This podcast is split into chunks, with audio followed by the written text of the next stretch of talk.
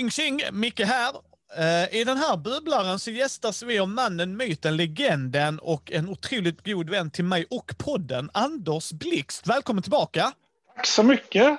Det är trevligt att vara tillbaka efter ja, fem månader, fyra månader sedan vi var på Mars. Jajamensan, det kan nog stämma. Ja. Uh, idag fick du välja ämne. Det är ja. så vi brukar vilja göra. Och du ville prata om, om hur det är att skriva rollspel till svenska miljöer. Mm, precis. Det har jag gjort några gånger. Ja. Oj, det började ju med MUTANT, way, way back 1985.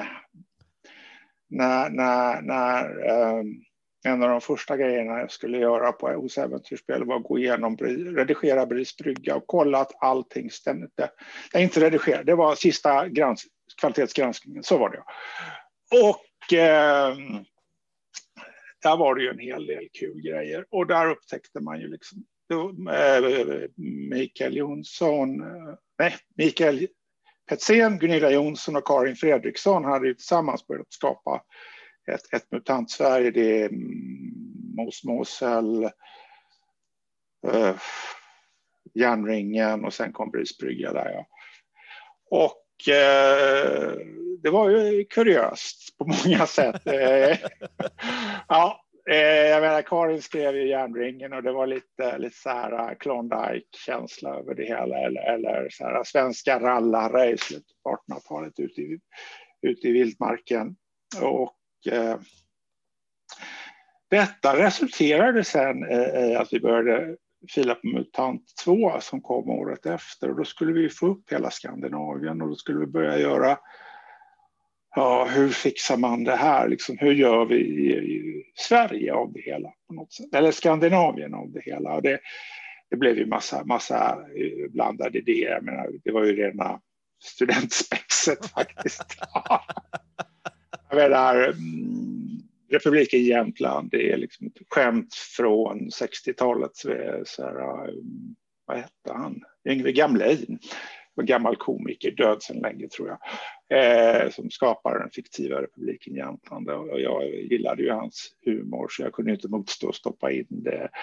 Och sen kom det med liksom Pyrisamfundet som var, ja, här typ Karl den 14 Johan eller ja, liksom. det, blev, det blev lite så här äh, konstigt svenskt över det hela där. Och, och de, eh, köpmännen på Gotland och, ja, och eh, barbarerna i öster där, alltså mutantkosackerna, det, det återspeglar den gamla svenska fruktan för det stora imperiet i öster som har onda avsikter mot oss. Ja, det var, det var, det var riktigt kul. Och, och sen, det bara växte på sen, för sen gjorde vi ju... Eh, eh vad hette den? Efter katastrofen eller vad det var. Eh, med Hindenburg-kartan och allt det där. Och där blev det ju eh, Per-Anders Fogelström möter MUTANT, där med klasskamp och, och proletärer och adelsmän och, och ja, Eh, jag tycker faktiskt vi fick fram en, så det blev liksom Per-Anders Fogelström, pilsnerfilm och MUTANT i salig röra. Det blev rätt lustigt. Um, och där, där handlar just om att få fram det specifikt svenska. Man får gå tillbaka i svensk litteratur, svenska jag ska säga någon slags svensk legendflora. Jag menar, eh, Sverige har aldrig varit som en pilsnerfilm, men pilsnerfilmerna finns där ändå som någon slags karikatyr av ett förlorat Sverige. Så när mina, mina föräldrar var barn så, så var liksom pilsnerfilmer stora grejer på bion. Ehm, och, och, det där är oerhört roligt att få, få till en blandad mix. Så vi var ju ett gäng kreativa herrar där och damer. Alltså, Mikael och Gunilla föll ju från efter ett tag. Ehm, men Nisse och Olle Salin var ju väldigt påhittiga. Mycket av det som finns i Hindenburg är liksom Nisses och Olles idéer. Eh, bodybombing och, och stamprock och eh, ja. Och sen så kunde vi ju inte motstå och driva med, med samtidens Sverige. Alltså det är skämt som dagens läsare kanske känner sig oförstående inför, men som var väldigt roliga på 1980-talet, som skvallerjournalisten Anka och Skinka. Det fanns en, en, en, det fanns en skvallerjournalist som hette Agneta von Schinkel, som, som var mycket hovskvaller och annat sådär. Och, och, och, jag har ju ingen större respekt för, för, för monarkin, så för mig var det väldigt lätt att liksom driva in, skjuta in det där. Ja. Eh, så det där var liksom första försöket att, att göra, göra Sverige i, i rollspelsmiljö. Eh, det är så här grejer jag minns med glädje. Jag ser ju sen hur, hur MUTANT, de som ju kommer därnäst, eh, Järnringen, deras version av MUTANT blev ju ännu mer pilsnerfilm skulle jag ja. säga. För den där pratade skrovmål, vilket ungefär låter som 91 Karlsson. så att, att, att eh, jag, spel, jag, har, jag, var inte inblandad i att göra det, men jag, jag har spelat eh, ett äventyr som utspelade sig i Jönköpingstrakten, Pirit. Eh, där jag var en, en slumgrabb och, och, det handlade om proletära konspirationer för att förändra samhället. Mm. Ja. Det, var, det var roligt. Ja, det är ju undergångens arvtagare och det, och det kan jag hålla med dig. Det blev väldigt mycket pilsnerfilm när man kollar mm. i de böckerna och det liksom. Och mm. Mattias Jonsson Hake och Mattias Lilja där. Det är... Ja, precis. Och jag har i bokhyllan någon, någon deckare i den där miljön. Eh, så många år sedan jag läste den. Så att, men det var ju kul att den liksom inspirerade även till, till liksom vanlig litteratur. Ja, men alltså, för det, det gör ju alltid, eh, för, för jag, jag har gått och funderat på det här ett tag. Ja. Och jag, när jag skriver mina äventyr, även om jag aldrig tänker att det ska bli publicerat, men någonstans skriver mm. man ner sina äventyr ju. Mm. Och jag har inte en enda, det är få gånger, jag tror en eller två gånger skrivit i svensk miljö. Så mm. jag har alltid skrivit någon annanstans, så jag vet ja. inte riktigt varför. Någon annanstans är ju oftare mer exotiskt. Och, och, Sverige är ju ett väldigt välordnat samhälle. Det kan vara svårt att ha äventyr här om man liksom ska hålla sig nära verkligheten. Jag menar, är man MUTANT eller chock, då kan man ju använda Sverige på ett annat sätt. Eh, men jag, jag, i, i mitt spelgäng, eh, vi har hållit på sedan 1985, så vi är riktiga gamla gubbar nu. Vi har nog varit, väldigt sällan varit i Sverige. Vi, vi, vi, var brittiska agenter på besök i Stockholm under andra världskriget vid ett tillfälle. Och det vi konstaterade att det var ju väldigt lugnt i Sverige jämfört med hur vi har varit med om tidigare i, i Mellanöstern eller, eller i Fjärran Östern. Eh, och jag kan ju säga, när, när, när, jag, när, vi började, när vi skrev Sverige till, till Call of Cthulhu häromåret, vi var över rätt många inblandade på det, Gabriel de Bourg och Gunilla Jonsson och Mikael Petersen igen och fler folk som jag inte kan dra direkt ur minnet. Och där var ju också, man kunde konstatera att det, det gick ju väldigt bra att, att skriva om eh, konstiga saker i Sverige. Men, men, Sverige som land var ju väldigt lugnt och, och välordnat. Eh, vilket i och för sig är en fördel om man ska ha onda konspirationer för att folk tror inte det kan hända. Och så gör det det. Mm. Lugnet före stormen-grejen, ja. Ja, precis. Precis. Uh, har du några frågor kring MUTANT innan jag går vidare? Ja, jag har fasiken, jag kan bombardera dig med Ja, det. fråga på. Men för, för, jag tänker mig liksom så här, alltså när man spelar.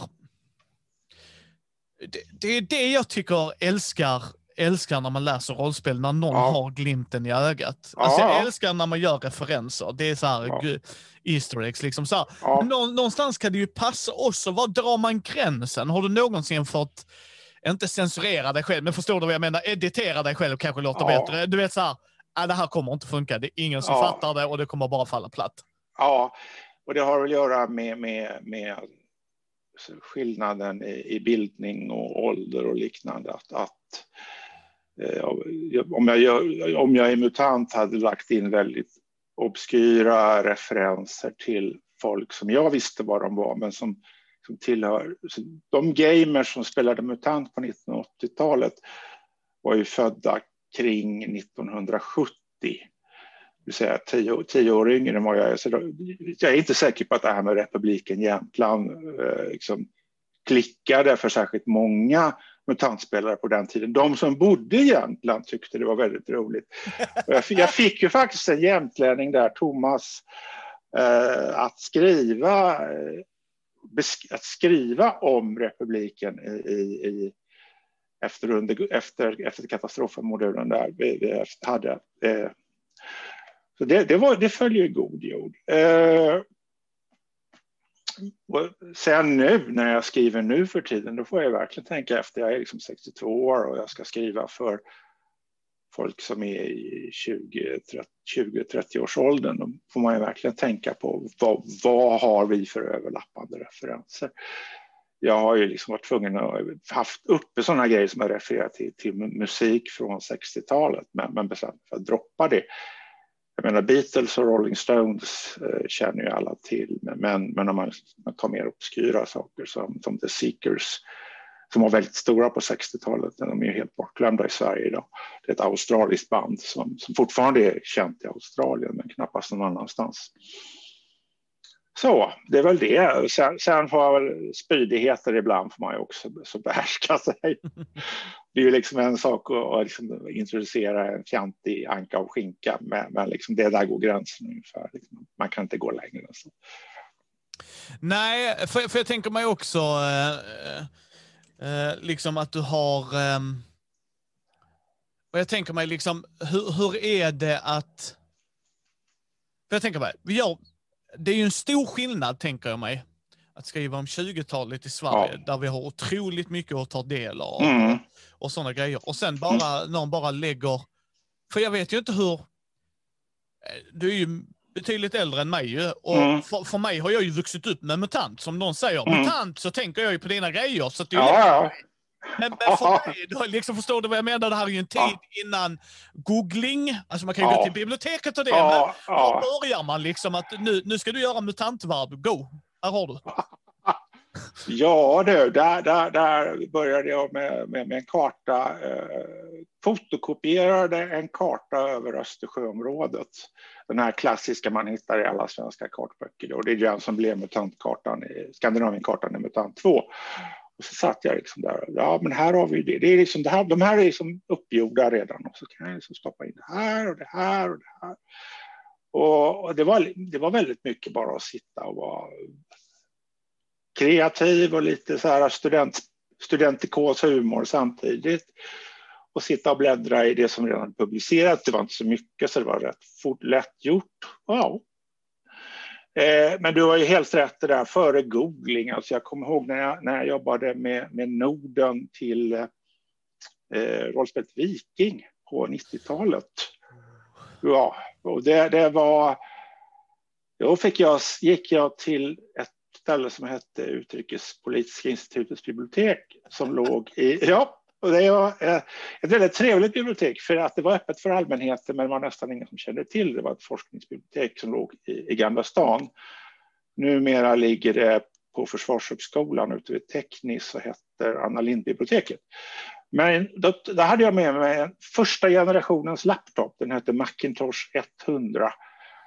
Och, ja, väldigt primitiv maskin med dagens mått. Men och så satt jag där med, med mina, satt med uppslagsverk av alla möjliga slag. Det var Svensk uppslagsbok, Nationalencyklopedin, gamla Uggleupplagan av Nordisk familjebok, Encyclopedia Britannica.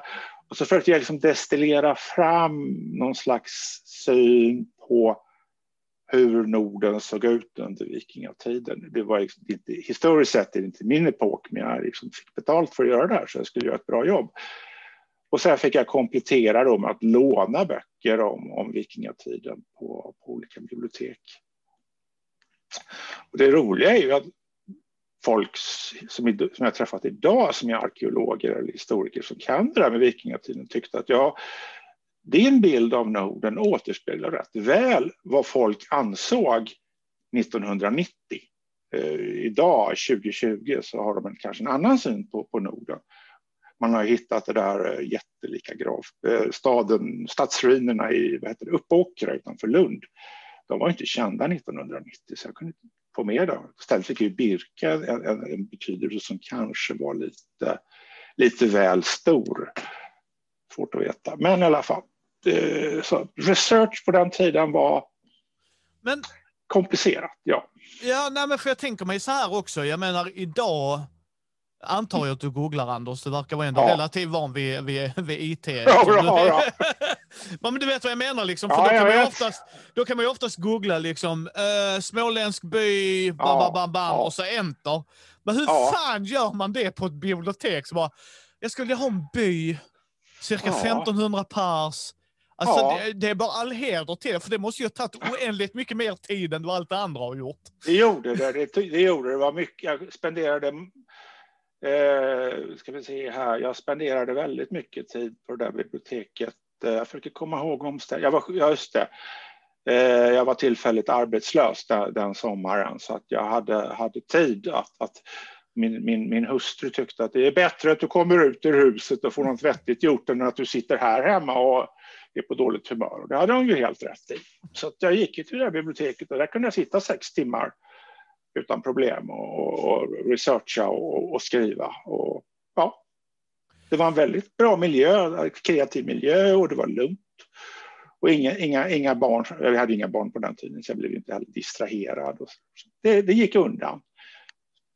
Ja, men jag tänker säga, har du, har du fått, det vore dumt annars men, ja. men, men har du fått många lärdomar du kan ta med dig i, om du förstår vad jag menar, för någonstans känner jag, skulle jag anta att man förfinar sin process, så är det ju när jag ja. gör mitt vanliga ja. yrke. Liksom. Alltså att ja. du kommer till en punkt att du kan mm. beskriva, hur, hur, ser, förlåt, hur såg din process ut då, ska jag säga, jämfört med nu? Eh, jag var mycket mer en, en, en liksom stickler för, för liksom akademi, akademia. Liksom. Det var väldigt så här, jag skulle ha bra källhänvisningar. Alltså, även om jag inte la in källhänvisningarna i spelet så skulle jag verkligen ha bra källor. Jag har inte tid med det längre. Det, det, är, liksom, det, det är alldeles för tungt. Utan jag går mycket mer på populärvetenskap nu för tiden. Så där, där har, och det handlar liksom om att lägga spelet på rätt nivå. Viking, alltså Fabian då som låg bakom projektet, han hade ju väldigt tydlig bild av hur det skulle vara. Sen drev han ju eh, spelbutik och lite andra saker, så han, det var därför han lade in mig att skriva det. Men han förklarade väldigt tydligt vad han ville ha och jag levererade det. Eh, jag skulle inte vilja göra, alltså ingen kritik mot Fabian eller mot Viking. Jag skulle bara inte vilja göra om ett sådant projekt idag, för det, är inte lika, det skulle inte kännas lika roligt. För att jag numera är jag mer inne på storynivån man ska säga. Det, det, jag skulle göra det, om jag skulle göra det idag så skulle jag göra det mer Röde Orm. Ja, en, en Som, fakta så att säga. En fakta, precis. För att, att Röde Orm är en väldigt ohistorisk skildring av vikingatiden. Men det är jäkligt bra äventyr och man, skulle, man har väldigt kul när man läser den här boken. Ja, för, för det är det jag tänker mig lite ja. också, liksom att om man tittar kontra skriva någonting som redan finns till att bara hitta på helt själv vad, vad föredrar du? Liksom, är, du? är det en mix av det eller känner du till exempel om nu mutant gjort, men om någon skulle komma till dig eh, med tanke på att du jobbar med Lossa och de säger ja. vet du vad, vi ska göra en helt ny värld, en helt ny grej, go. Vill du, hade du ja. velat göra det då eller? Det beror på, skulle jag vilja säga. ja. Om den liknar något jag har gjort tidigare, skulle jag säga nej tack, jag har redan gjort det här. Ja för att jag kan vara väldigt selektiv idag. Men skulle det vara något så här nytt, ny grej så här som wow, det där har jag inte prövat på. Då skulle jag vara klart intresserad. Def ja, definitivt. Ja. ja. Men hur, hur är det när man, för du säger att man, man jobbar ju som ett team. Oftast. Ja. Ibland antar jag att du har jobbat mm. själv också, men vissa gånger som du sa där med MUTANT, att Micke och Gunilla ja. var med och, och ja. nu då på senare med Call of Cthulhu och det. Ja. Föredrar du att köra solo, Anders, eller är det alltid gött att ha någon att bolla med? det är alltid jättebra att ha någon att bolla med. Jag säger att när man skriver rollspel är 1 plus 1 lika med 3. För att folk ska läsa igenom uh, vad jag har gjort och så kan de skjuta in, ja men det där kan du tänk om du gör så där. Lägg till den här detaljen. Jag hade, hade en sån grej, eh, jag håller på med en chockmodul just nu, eh, Basker Blå, som handlar om svenskar i, svenska FN-soldater i Afrika. Och där hade jag en viss SLP, jag ska inte spoila någonting här, men jag skrev den då. Så påpekade en av mina kollegor på Elosso, Karl, att om du ger honom någon, någon svaghet, till exempel X, eh, så har han större skäl att samverka med antingen eh, äventyrarna eller med andra SLP. Och jag sa, da, that's it, sa jag. Det tar jag direkt. Och så skrev jag in exakt den idén som Karl hade föreslagit. Och då kunde jag raskt koppla ihop det den här SLPn kan samarbeta med de SLPna, de SLPna, eller han kan komma till spelarnas rollpersoner och behöva hjälp. Ja, och jag hade inte kommit på det själv, utan det var liksom bara bing från, från Karls sida. Och sånt där är fantastiskt. Jag älskar det när jag liksom kan höja nivån ett snäpp på någonting, bara för att någon, någon tillför någonting som jag inte har tänkt på. Sen eh, eh, tänker jag också på det, liksom hur, när du gör en värld, för jag antar ja. att du, du, du har inte skrivit äventyr till allt, antar jag, eller har du det? Nej, det Nej. har jag inte. Nej. Nej, men, men hur... Hur speltestar man en sån grej, Anders? Förstår du vad jag menar? Liksom, oh. nu, har jag, liksom, nu har jag världen här, så bara, ja, fast... Ja. Alltså, förstår du vad jag menar? Någonstans... Ja. När, när jag gör min Jedi Knight så ska jag ju passa i, i Stjärnornas krig. Då kan det inte vara att ja, du är i Köpenhamn. Nej jag, jag, nej, jag förstår precis vad du menar. Uh, det där är ett, ett bekymmer för att jag har, jag har liksom insett att det är väldigt lätt att skriva balla världar. Det kan vara svårt att locka folk att äventyra i dem för att de ser inte potentialer som jag ser. Eh, och eh, det bästa är ju att sätta, sätta en grej i händerna på, på gamers och säga kan ni köra något här? Jag menar, folk speltestar gärna någonting jag hittat på så det, jag har liksom alltid liksom kunnat lösa det så här och så kan de liksom säga sen, nej det här, det här lyfte aldrig eller, eller det här blir jättebra. Um, så, men det, det, där, just det där är, är ett problem. Viking funkade jättebra. Ehm, uh, Gondica fungerade inte riktigt lika bra för att det var en fantasyvärld som jag tänkte ut som var lite annorlunda än vad folk var vana vid. Ja, det är ju också en, en ett problem tror jag. Inte, inte ja. så, men alltså, det kan vara en fallgrop, liksom, att en folk ja. har en förväntning. Idag ja. skulle du uppleva att den fallgropen är djupare eller grundare, eller förstår du hur jag tänker? Ja, för, förr i tiden tog folk mycket mer det som fanns. Ja. Idag är utbudet så mycket större, så gamers har blivit mer selektiva.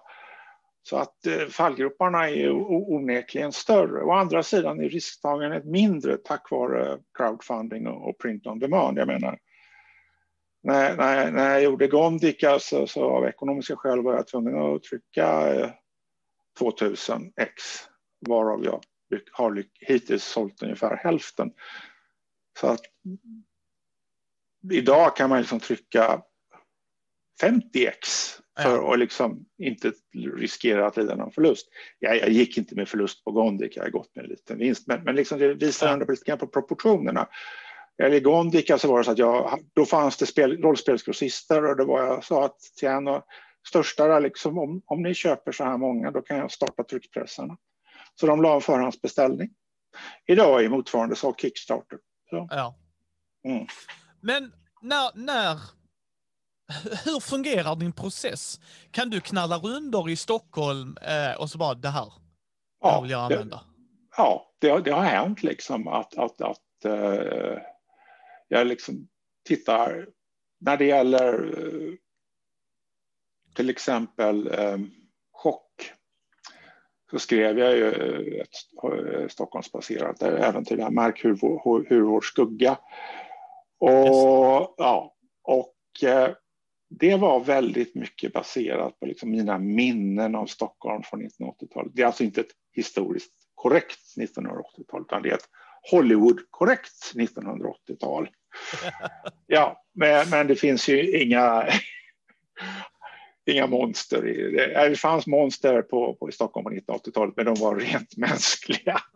typ bankrånare och mördare och sådär. Men, men, så att, att det, det, är liksom, man, man får liksom, det blir liksom ta, ta, ta en välkänd stad och liksom göra den säga, plus. Man liksom, det är som att gå in på mm, vad är det, Big, Big Burger, man, sådär, extra allt. Sådär. Ja, ja, ja, ja, ja. ja, precis. Eh, och liksom det, det är så här, Stockholm plus. Och, och, det var ju samma sak, eh, jag skrev eh, i vintras då tre kortäventyr till, till och of Thulo 1920-talet. Och de lät jag utspela sig i den lilla by utanför Göteborg, en liten västgötsby där jag växte upp på 1960-talet. Och så kollade jag upp hur den var på 1920-talet. Det var ju liksom en riktig rejäl bondhåla. Och så skrev jag. Men jag visste, jag kunde liksom, tack vare webben, jag kunde googla fram en samling Göteborgsvykort. Mm. Jättestor samling. Så jag, jag kunde liksom hitta vykort som föreställde området där jag, där jag växte upp, fast 40 år tidigare. Det var helt otroligt. Jag menar, vissa hus känner jag där, åh, där ligger det huset, det känner jag igen. Och där har jag cyklat förbi den, den ladan där. Men så kunde jag liksom titta på där jag bodde, ja, det var liksom ett stort fält. ja. ja, där byggde de hus kring 1960 som vi flyttade in i, precis. Och så järnvägsstation med ånglok, den försvann ju på 60-talet. Jag, jag liksom kommer ihåg det, men det var inga ånglok då. Men Nej. då var det så här diesel, dieselrälsbussar, men det är ju borta sedan länge. Men det var så här fantastiskt. Och då kunde jag liksom ta det och så kunde jag vrida om ett varv där och, och liksom få med saker i gammalt gravfält som, som finns. Jag vet precis var det ligger någonstans, järnåldersgravfält och i Call of Cthulhu så är gamla gravfält är alltid onda. Ja, jag är klart de är. Det är sen gammalt, Anders. ja, ja, precis. Och, och, och, och sådär. Och, och natur, Göteborgs naturhistoriska museum liksom låg vid ändstationen på den här järnvägen som gick förbi där jag bodde. Där hände det saker också. Det var ihopkopplat med, med, med ett äventyr som redan var publicerat som utspelade sig bland annat på Naturhistoriska museet. Så spann jag vidare på det. Och alltså, det var jättehäftigt att och, och hålla på och researcha och polisen kunde, man var liksom utgick ifrån att rollpersonerna var, jobbade åt Göteborgspolisen och att de skulle utreda massa konstiga brott. Och, och, så fick jag ta en titt på liksom Gamlestaden, alltså det, jag vet inte om du säger det någonting, men det är en industristadsdel och, och koppla ihop det med, med, med vissa händelser och vissa, vissa, vissa onda människors komplotter. Så, jättestimulerande. Men det var, verk, det var inte ett historiskt Göteborg utan det var ett, ett, ett, ett eh, skräck-Göteborg. Eller skräck-Askim från 1920-talet. Ja, för, för det här är ju också det som blir väldigt intressant ju. Mm. För, för vi har ju den, den fantasin eller den sci-fi-eran mm. med mutanter och noll efter mm. katastrofen, mm. vi har postapokalyptiskt. Sen mm. har vi Call of Cthulhu. Mm. Har du någonsin känt och liksom, hur, hur, mycket vill man gå ner på detaljnivå? För att om man tittar MUTANT, där kan man mm. göra hur, mycket man vill egentligen, för att det är ju mm. eran fantasi som sätter gränserna. Men varför mm. uh, finns det grisfolk här? Det gör det. Så. Ja, ja. Medan i Call of Cthulhu, där är ju folk som går in sån detaljnivå så att man blir nästan mörkrädd. Liksom. Det är ja. helt sinnessjukt. Men, men intuition ja. som alltid, va? men du ska ju ändå ja. någonstans förmedla det. Förstår du lite hur jag ja, tänker? Ja, ja, ja, ja. Jag förstår. Och, och jag, jag, jag försöker behärska mig när det gäller detaljerna. Till exempel, eh, jag lyckades hitta en tidtabell från, från 1930 på webben, givetvis, för den här järnvägen som gick från eh, ja, Linnéplatsen hette det i Göteborg, eh, förbi där jag bodde och så längre ut till Särö. Eh, men den kom inte med. För att det är liksom, this is overkill. utan utan jag, jag fokuserade verkligen på de här huvudpersonerna, alltså inte, inte äventyrarna utan liksom spelledarpersonerna som gör en massa saker som får polisen att börja utreda och, och sen blir det bara hemskt. Eh, så, och sen... Eh, mm, eh, Eh, jag fick, eh, det finns, fick jag, anspelade jag lite på såna här klassiska saker som folk som växte upp där Askimsvalen, alltså inte det är någonting, men vi som växte upp där vet vad det var för något. Det var en val som strandade mitten på 1800-talet och dog på stranden som bärgades av, tack vare en donation från en rik industriman och sen gjordes om till, jag vet inte, konserverades och placerades på Naturhistoriska museet som, som det var verkligen så toppgrejer, så det var unikt när den kom upp där. Och liksom, det var, och sånt vill jag liksom göra referenser till. Eh, men liksom, det får bara vara i förbigående, det får liksom inte bli handla om det och samma sak, det får inte handla om särbarnens tidtabeller utan det ska handla om de här människorna som är giriga eller hatiska och som leker med, med de förbjudna krafterna. Det är, liksom, det är äventyret. Ja, men har du någonsin känt när du har läst eh, någon annans rollspel? För jag antar att Anders ja. Blix läser rollspel. ja, det, det, det, gör jag. Det, det gör jag definitivt. Ja. Mm. ja. Men har du någonsin känt då, fasiken, fan jag önskar att jag hade gjort det. Alltså att du vet den, att det blir så här jävla smart gjort. Ja, det har jag gjort. Alltså, eh, Maskinarium till MUTANT år 0. Den, alltså, den var... Tänk om jag hade varit lika kreativ när det gällde robotar. Det, det hade varit liksom wow. Eh, där, alltså det, det, det är fria ligan är, de, de, när de får till det bra, då blir det väldigt bra. Just, av, av någon anledning. Alltså, jag, tyckte att av, av de fyra, vad är det, fyra Ja, det är nog fyra boxar va? Ja, fyra boxar. Då tycker jag Machinarium var den intressantaste. Eh, de andra var lite mer vad man kunde förvänta sig. Även om de var väldigt kreativa på alla sätt. Men liksom Machinarium var, det hade jag inte förväntat mig. Och det var ja, väldigt ja. bra. Ja. Det är liksom skillnaden. Ja, ja överraskningen. Det, det, överraskningen, precis. Det, det. Eh, och sen min, min stora eh, estetiska upplevelse, det är Star Wars D6 som jag läste första gången 1986-87 någon gång innan vi skulle göra den på svenska. Tusan vad smart upplagt det här är. Då var jag, alltså Greg Kosticki, han är, liksom, han är, han är en, en maestro i den här branschen. Han är liksom, han, jag, jag skulle liksom, jag skulle, titulera, jag skulle säga sensei till honom utan, ja. utan, utan tvekan. Och den grejen var bara, han fångade Star Wars så perfekt i, i D6 och, och, och det här spelsystemet tyckte jag var också väldigt klurigt där med tärningarna som var fler och fler och man liksom får känslan nu går jag upp från tre tärningar till fyra. Nu, nu är jag jäkligt Jävlar, bra. Nu, precis! Ja, nu händer det. Det, är så här, det skulle jag vilja ha gjort själv också. Mm. Men hur, hur gör man, för, för jag älskar alltid att prata med dig Anders.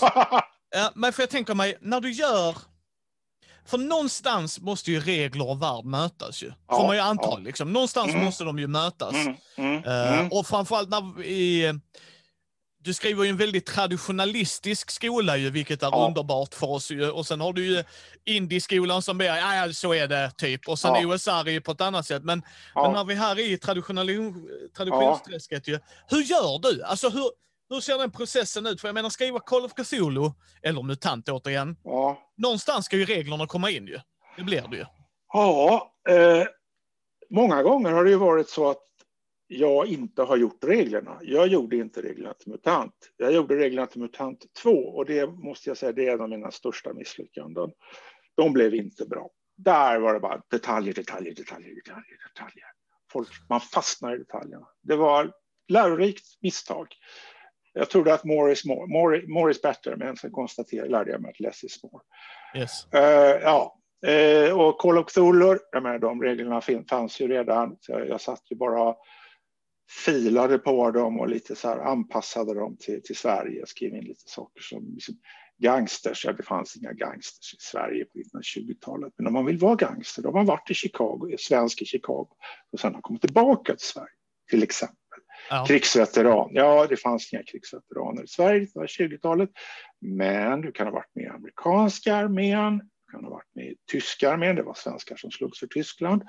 Och du kan ha varit med i franska främlingslegionen. Liksom, tänk ut en bakgrund där. Ja, I alla fall. Eh, så att, och samma sak, chock. Det spelet fanns innan jag började jobba åt Elosso, så då fick jag också ta de regler som, som fanns där. Men i alla fall så, så, så får, man, får jag, börja, jag brukar börja med världen. Tänka ut liksom, hur fungerar den här världen? Inre logik. Hur, exempel, hur fungerar magi? Hur fungerar teknologi? Och sen tänka ut ett sätt på hur det ska representeras i spel. Om man tittar på, på Gondica till exempel så handlar det väldigt mycket om, om kluriga upp... Alltså, en viktig komponent i Gondika är, är liksom såna här eh, steampunk-uppfinningar eller klockpunk-uppfinningar av olika slag. Och då fick jag tänka ut hur skulle de fungera i spelet och då fick jag introducera begrepp som kvalitet liksom en uppfinning har en viss kvalitet, det visar hur bra det fungerar och sen regler för hur man, hur man förbättrar en uppfinning. Man kan liksom ta en uppfinning så kan man göra en, studera den, bygga om den och göra den bättre. Eh, och det är här, jag behöver regler för det här och de får inte vara realistiska för det är alldeles för trögt och långsamt. de ska vara så Hollywoodmässiga. Åh, oh, jag fick en snilleblixt. Om jag kopplar om det så här liksom, så, så går det åt hälften så mycket ved i ångpannan. För att, ja, bara som exempel.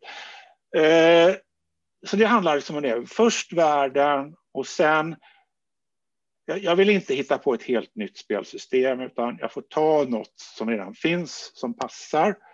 Då beror det liksom på stämningen. Ska det vara ett heroiskt, en heroisk värld, då jobbar jag gärna med system D6 som är väldigt lätt att göra, göra jätteballa heroiska stunts i.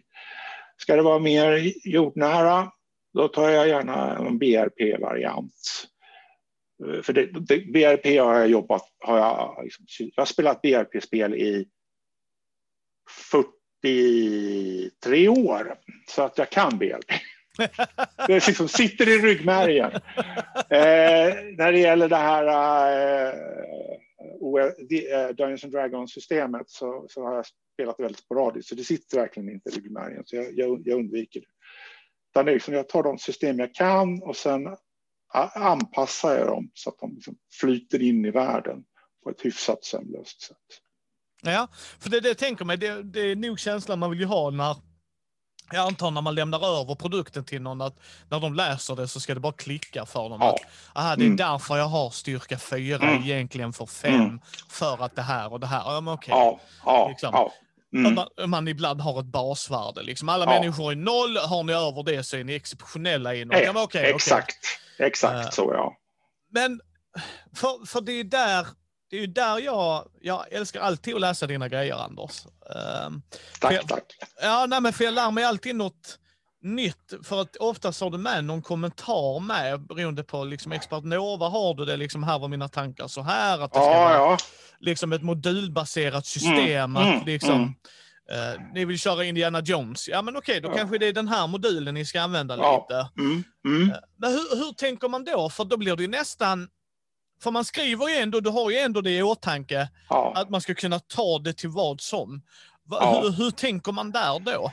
Ja, det går ju aldrig att ta till vad som, utan det finns ändå någon slags box. Om vi tänker expert Nova, då skriver liksom, de här reglerna är skrivna för äventyr i något, mellan 1880 och 2040 i vår värld.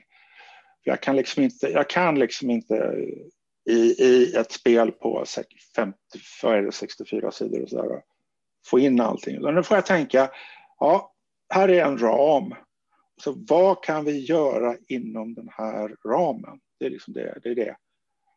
Eh, helt generiskt, jag, jag, köper inte det. Jag har läst GURPS, jag tycker inte GURPS är särskilt roligt. Det, det kan allt. Men det gör ingenting särskilt bra. jag älskar det. Ja, ja. ja, det är rätt. Brutal Ja. ärlighet från Anders Blix. Ja. Att, att, eh, det det är liksom det. Jag, jag tänker, vad skulle jag vilja göra med det här spelet? Och så får jag liksom utgå från det. Och sen är det det här eh, modulärt. Det är jätteviktigt för mig. Det började jag med från först. Det, liksom, det har att göra med att jag började spela Traveller 1978 och snart insåg att det här är rätt klunk, så här, kluck, kluck, kluck, funkar inte särskilt bra. Så jag började bygga om saker och ting rätt rejält och mina spelledare, spelare tyckte det var bättre. Och då insåg jag så här, det är lite jobbigt att bygga om Traveller, men om man börjar från början och tänker, nu ska jag göra ett spel som är väldigt lätt att bygga om. Man har det liksom hela tiden med sig. Det blev expertdrakar och demoner sedermera. Och det, jag fortsätter jobba på det sättet. Och för mig är det jätteviktigt. Det är, ja, husregla, det tycker jag. Alla ska husregla. Alla ska... Liksom, det är som att ställa in eh, en, radioapparat på rätt kanal. Ja, så gjorde man förr i tiden. Yes. jag hade analoga radioapparater. Yes. Hålla på och finlira. Där har vi Radio Luxemburg med, med de senaste Stones-låtarna, typ 1968. Satt hemma, hos, satt hemma hos min farmor med hennes gamla rörapparat och, och och fila. Och så är det när man bygger sin rollspelskampanj. Man ska hålla på och justera alla, alla mätare tills man känner, där är det. Eh, Men om, om man ska se här, för Gabriel och uh, Micke och Gunilla håller ju på med Ja. ett nytt projekt ju, men Micke Ja. och Gunilla skrev ju, uh, oh, nu Tjurmannen från Kungsskär, Mm. säga, men där var, ja den, Mm. jag tar mig inte på titeln gott för, men den, den uh, äventyrgrejen, liksom Mm. så. Och då skriver man ju en kampanj, Ja, liksom hur, hur är du där? Vill du skriva en kampanj eller föredrar du framförallt när det är på i Sverige att nej men du den lilla, min lilla hemtrakt, där vill jag bara göra en Mm. liten grej och sen gå vidare. Ja, eh, ja, för mig är det svårt att skriva en kampanj i, i en Call och miljö. Eh, det är någonting där. Jag gör, kan göra enskilda äventyr, men jag kan länka upp dem. De här tre äventyren jag skrev om Göteborg, de, de hänger faktiskt ihop. Men de kan också spelas fristående. Eh, nej, alltså, jag brukar lämna så pass mycket öppet åt spelledaren. Så här, jag gör sandlådor för det mesta. Ja. Att, att det kan vara svårt att skriva en, en, en sammanhängande kampanj. Jag kan istället skriva en miljö och så kan jag komma upp massa äventyr som utspelar sig i den miljön. De kanske inte hänger ihop som en kampanj, men kan ha med varandra att göra. Speciellt SLP kan liksom dyka upp i flera äventyr. Eh, och där känner jag liksom, det funkar bäst för mig. Så här. Och eh, eh, Sverige är ett rätt litet land, kanske inte till yta, men liksom, vi är bara, på den tiden, på 20-talet var vi 5 miljoner, idag är vi 10 miljoner. Det är som svårt att ett antal, en utdraget dramatiskt förlopp skulle kunna inträffa här utan att snuten rycker ut. Länsman kommer! Länsman kommer, precis. Sex veckor är han! Oh, undrar hur jag ska hinna fly härifrån. Ja, precis. precis. Och det, det är liksom, det, det, det där, det är lättare, till exempel om man är i något så här stort, eh, lite mer laglöst land. Vilda västern till exempel, ja, kanske inte den historiska vilda västern, men lite mer Hollywood vilda västern. Den passar ju bättre för kampanjer, för då kan man, ha, man kan liksom flytta sig över väldigt stora avstånd och polisen är väldigt lokal och kan inte korsa delstatsgränser och annat. Sådär. Eh, Och du har ju Pinkertons och... Pinkertons, eh, Marshalls. ja, jag faktiskt spel, I mitt spelgäng körde vi för några år sedan en kampanj där vi var Pinkerton-detektiver. Och vi, vi skulle utreda en, en komplicerad serie tågrån. Och det var mycket resande mellan olika delstater och förhöra och, och eftersom vi var Pinkerton-detektiver så kunde vi vara lite kanske agera på ett lite, mm, ska vi säga, ja, pragmatiskt sätt som inbrott och utpressning och, och liknande. Eh, vi, löste, vi löste det hela till slut, men, men liksom, poliser hade inte kunnat göra som vi gjorde. Det där var väldigt kampanjmässigt. Liksom. Det, det, var liksom vi, det funkar det där. Jag har svårt att se något liknande funka i Sverige. Ja. Ja, nej, för sen nästa följdfråga blir Mm. ju... Det är också det som är... Jag spel, alla spelar vi rollspel av olika sätt. Vissa Ja. gör det för den episka känslan. Eh, liksom min eh, bästa vän Martin, han gillar inte Call of Cthulhu för han, Mm. vill, han vill gå från 0 till 100 och inte riktigt så man spelar Call of Cthulhu. Eh, men, och det är fint. Ja. Ja. Ja, Ja, ja. ja. Men hur, hur gör man? För när du skriver till MUTANT eller skriver till Call of Cthulhu Ja. så är det ju vissa ämnen som vissa tycker är tabu, vissa Ja. vill utforska. Ja. Liksom, alltså, förstår du vad jag menar? Var drar, Ja. var drar Anders gränsen? Liksom, vad, det här rör jag inte för det är för alldeles Ja. så Ja. känsligt. Alltså, eller? Ja, Jag, jag, jag tycker ofta de här, äh, om vi tar på Cthulhu, så det här med kulter och, människooffer och sånt, jag tycker det är osmakligt. Det sånt ska liksom ske utanför kamera, eller liksom ut, ut, ja, off the map. Sådär. Ja. Man kan höra talas om. Så när jag skriver, skriver om Call så, så handlar det nästan uteslutande om att det är enskilda människor som gör saker som gör, förvandlar dem till monster på något sätt. En vill- galenskap. Galenskap och sådär. Och jag, vill- jag vill inte blanda in de här stora varelserna från kosmos som kommer ner. De kanske passerar förbi, man kanske ser någon sån där äh, mm, flyga förbi, liksom silhuett mot månen. Typ. Oh, tänker man, oh, där får jag slå ett sammanslag. Eh, det, på den nivån vill jag hålla det. Men det, det där är o, oerhört personligt. Eh, liksom, vad, vad man har. Fördelen där är ju att vi producerar det här, alla som är inblandade i svenska Kolo gör väldigt olika äventyr. Ja.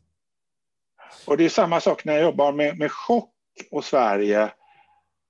Så är jag, så jag är väldigt mycket X-Files. Alltså, Oh. ja, precis. Jag, jag, jag, jag, jag kan liksom inte låta, eller kan, jag kan låta, men jag har liksom valt att, att liksom lägga upp det mer som X-Files med övernaturligheter istället för utomjordingar. Fast i X-Files var det väl en del övernaturligheter? Ja, mm, Ja. precis. Ja. Den har inte åldrats bra Anders, handen på hjärtat, vi kan säga det. Det, Ja, är vissa nej. delar vi hade klippt bort idag kan jag säga. Ja, definitivt. Fast mitt, mitt favoritavsnitt av X-Files det är, väldigt, det, det är Triangle. Det är när, när, när Mulder kastar, de ska undersöka en, en, en atlantångare som har dykt upp ett, helt plötsligt och så åker de ut till den och så kastas Mulders tillbaka i tiden till typ 1940 eller något liknande. Medan Scully är kvar i nutid. Ja. Och alltså, ja, det var väldigt, jag, jag gillade den, det var väldigt, jag tyckte den var smart. Yes. Och, och oväntad. Det var liksom inte Monster of the Week där, det var någonting annat. Och det är något, något åt det hållet jag eftersträvar med, med när jag skriver Chock och Sverige. Liksom att det, det, de här övernaturligheterna som, som, som folk ska utreda där och de här sändebuden från olika organisationer ska inte vara riktigt vad de tror att det är. Det, det, det, Nej, det är ju oftast när den twisten kommer, som du säger Mm. där, knorren att han är tillbaka i tiden, hon är, Mm. de är samma plats. Mm, Och Själva, själva, alltså, f- eh, samma ja, plats i, hur säger, vi, location säger de på Ja. engelska, det ordet Ja, är bättre. Medan i det fallet, det kan jag hålla med dig om, och så får man lite twists and knors. Men ja, för, för du sa det lite innan att när du skriver där om ditt Stockholm på 80-talet, mm. har du någonsin läst någon, någon har producerat i Sverige där du själv var med från den tiden och, och känner bara oh, ni missade den känslan eller inte för att Eh. nämna ut några för att vara negativt utan bara mer att du har ju varit med om det. Skulle jag skriva om 80-talet? ja. 80, 86 var jag inte född. 87 föddes jag liksom. Okej. Nej men alltså förstår du Ja, vad jag ja, menar? jag, förstår, jag förstår vad du menar. Alltså, det enda jag kan komma på på rakan är ju, är ju Hamilton-böckerna. Jag, är Ja. inte särskilt- jag är inte särskilt förtjust i dem. Jag tycker, tycker, och där, där har det varit tillfällen jag konstaterat att där borde ju Geo ha gjort bättre research. Ja, nej, men för, det är det Ja, jag tänker, men ja. det, det tänker man ju liksom. Att, jo, jag måste berätta. Låt den Ja. rätte komma in. Åh, ja, den med vampyr... Ja, eh, den- ja, just uppe i det. norr. Ja. Nej, den, var, den utspelar sig i en Stockholmsförort som heter Blackeberg. Jaha, och förlåt. Ingen... Och, nej, nej, men i alla fall. Ja. Jag bor i, jag, I många år på 1990-talet så bodde jag i Blackeberg. Ah. Så jag vet, där var verkligen så här, ja, mm, det såg ut precis så. Han har fått det där helt rätt. Och jag vet ju, jag har aldrig träffat Ajvide Lindqvist. Men om jag någonsin gör det ska jag liksom säga, gå fram till honom och säga, hej, hej. Du, jag vet exakt vilken trappuppgång vampyren bodde i. är det adressen? Så liksom. Nej, men för det är det, det, det ja. jag menar lite, för att någonstans mm. när man skriver till liksom som du säger, man skriver, det blir ju, ja. man skriver till många ju. Och, och ja. Det, jag menar när man tittar på film och jag är lastbilschaufför. Och så ja, bara, Nu gör jag den här så bara nej. Det är inte så lastbil funkar. Ja, det är no fat chance in hell. Liksom. liksom. Det finns inte, vadå, du har ett ja. överhäng där. Jag är inte så rolig när man tittar på actionfilmer med lastbilar. så. Eh, men liksom förstår du, det är samma sak. Här är Helsingborg, ni är Helsingör, fel stad, fel sund. Liksom. Vad fan, ja, ja, men, men har du någonsin tänkt i de banorna eller annars bara fuck it, nu kör jag min grej och så får ni ta det? Ja, ja eftersom jag hävdar att jag gör Hollywood och inte verkligheten så är det grann att det här kanske inte stämmer, men det behövs. Ja. Och då gör, då gör vi så. Uh, men jag har inte upplevt det som något större problem. Uh, I, i Märk vår skugga så, så knatar folk runt en hel del i, i, i Stockholm där, men jag har inte gått in på några detaljskildringar av hur det såg ut, för det ligger lite off, off the map. Eh, jag har tagit upp de här lägenheterna som mordoffren bodde, bodde i och som man ska undersöka. Och det där bygger ju på minnen av kompisars lägenheter från den tiden. Men det är bara minnen och sen har jag liksom sorterat om saker och ting så ingen ska känna igen sig. För det är väldigt viktigt, man ska inte känna sig utpekad i en sån här skräckmiljö. Eh, så det är, det är, men jag, jag, står inför en utmaning nu. Jag, ska, jag och Johan Ocker ska skriva Partisan nästa år. Och den kommer då utspela sig i stora delar. Grundsättningen är i Småland. Uh, jag, jag, jag, har varit väldigt mycket i Småland så att det är en miljö jag hämtar mig. Bland annat ska man vara en hel del i Kalmar och då måste jag ju verkligen så här rota fram kartor av Kalmar från 1980-talet. Det utspelar sig 1982 så jag inte får med allt för moderna anläggningar. Nej. Nej. Precis. Men det, det går att lösa. Det är liksom, internet är, är fantastiskt.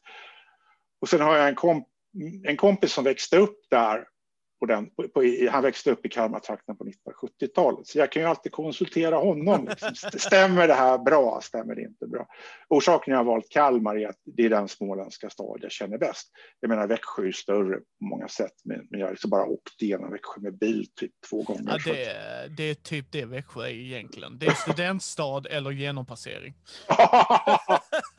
no offense till folk som bor i Växjö. Men... Nej, nej. Men...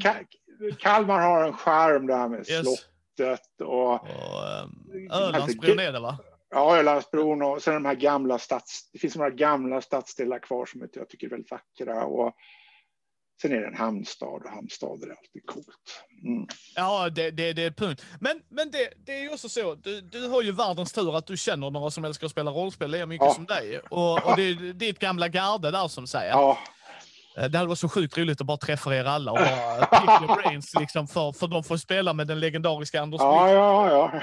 Men, men har du någonsin tagit ett, en värld till dem och så liksom, ni känner mig, ni vet lite vad jag vill förmedla, här har ni. Eller har du bara liksom, är det bara när du har gjort äventyr eller hur har den biten funkat? Ja, när det gäller vär, världar så är det mest här, jag, jag, kan inte vara så precis jag kan liksom fokusera in på vissa personer. Däremot har jag liksom gjort äventyr som är inriktade på, på, på vissa personer. Eh, det, ska vi se, vad hette det? fanns en, en, en slags superhjältemodell till GURPS, ACES eller något liknande hette den. Ja. Uh, ja, och det, den bygger på någon science fiction-serie där det liksom finns lågnivå superhjältar i världen. Uh, och där uh, körde vi faktiskt, hela mitt spelgäng, en, en, en, en kampanj där vi var svenska poliser, superhjältepoliser i Stockholm 1990. Så vi låg, vi låg alltså parallellt med verkligen, det bestämde liksom att dagens datum i kampanjen är alltid veckan in, alltså innan den verkliga dagens. Så man kan liksom peka, plocka fram tidningsartiklar och liknande. Och det funkade jättebra. Och där var det verkligen så här, jag roade med mig. Vi satt och spelade i min dåvarande lägenhet.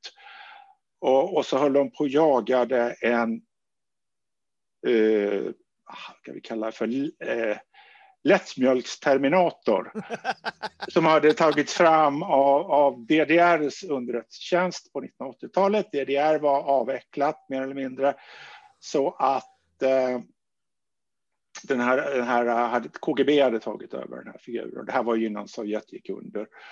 Eh, och de jagade honom i Stockholm. Han var där på ett uppdrag och de här snutarna skulle hitta honom. Eh, och klimax utspelade sig våningen ovanför den lägenhet vi satt i. Ja. Och det var, jag tyckte själv att det var omåttligt lustigt. Sådär, ja, men vi, ni kliver av i Solna centrum och så börjar ni gå åt det hållet. Ja, ni vet ju hur det ser ut. Ja, ja, ja. ja just det, där ser ni hus. Ja, Ska vi gå hem till dig? Nej, faktiskt inte.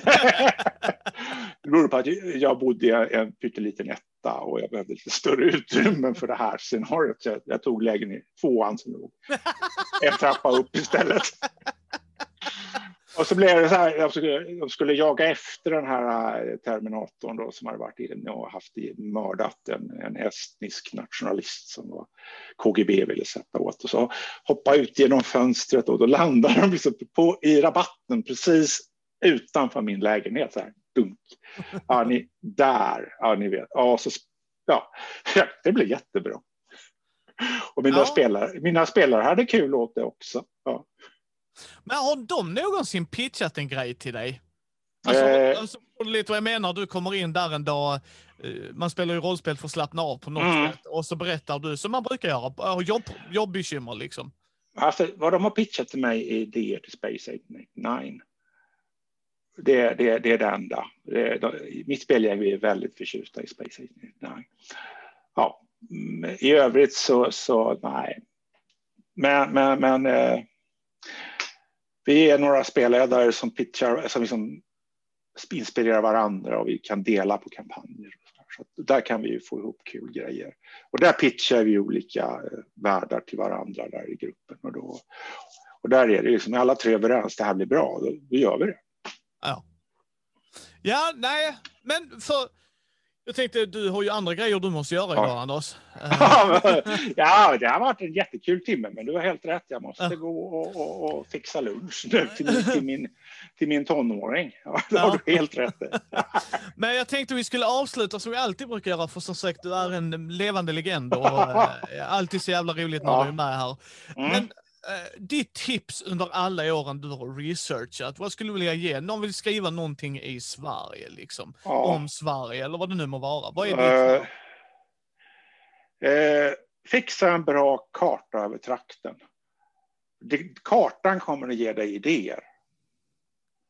Uh, för då, då, där finns plötsligt, bara, men här finns ju en ruinkvarn till exempel. Eller, eller, eller här ligger en herrgård, den skulle vi kunna göra någonting med. Så det är liksom det. Eh, verkligen. All, all business is local, det är ett gammalt IBM-slagord. Och det gäller här också. All business is local. Lär känna stället, bygg kampanjen utifrån det. Mm. Ja, där har ni gott folk. Ja. Uh, uh, som sagt, tack så hemskt mycket Anders att du ville vara med. Alltid kul att vara med här. Ja, alltid kul att ha med dig. Så det, det kommer förhoppningsvis fler, fler gånger, gott folk. Ja, det, det gör det. Ja, och eh, jag hoppas någon gång vi kan träffas live också igen, Anders. Ja. Eh, bara den jävla pandemiskiten kan släppa. Mm. Uh, ni hittar ju oss på mindy.nu, ni hittar oss på Mindys bräd och rollspelspodd på Facebook, Twitter, Instagram och Youtube. Vi har även en uh, merch-shop om ni vill gå in och stötta oss. Ta en titt där, länk i show notesen. Uh, stötta oss gärna på Patreon och ge oss gärna ett betyg på iTunes eller på vår Facebook-sida så fler kan hitta oss. Så hörs vi nästa gång.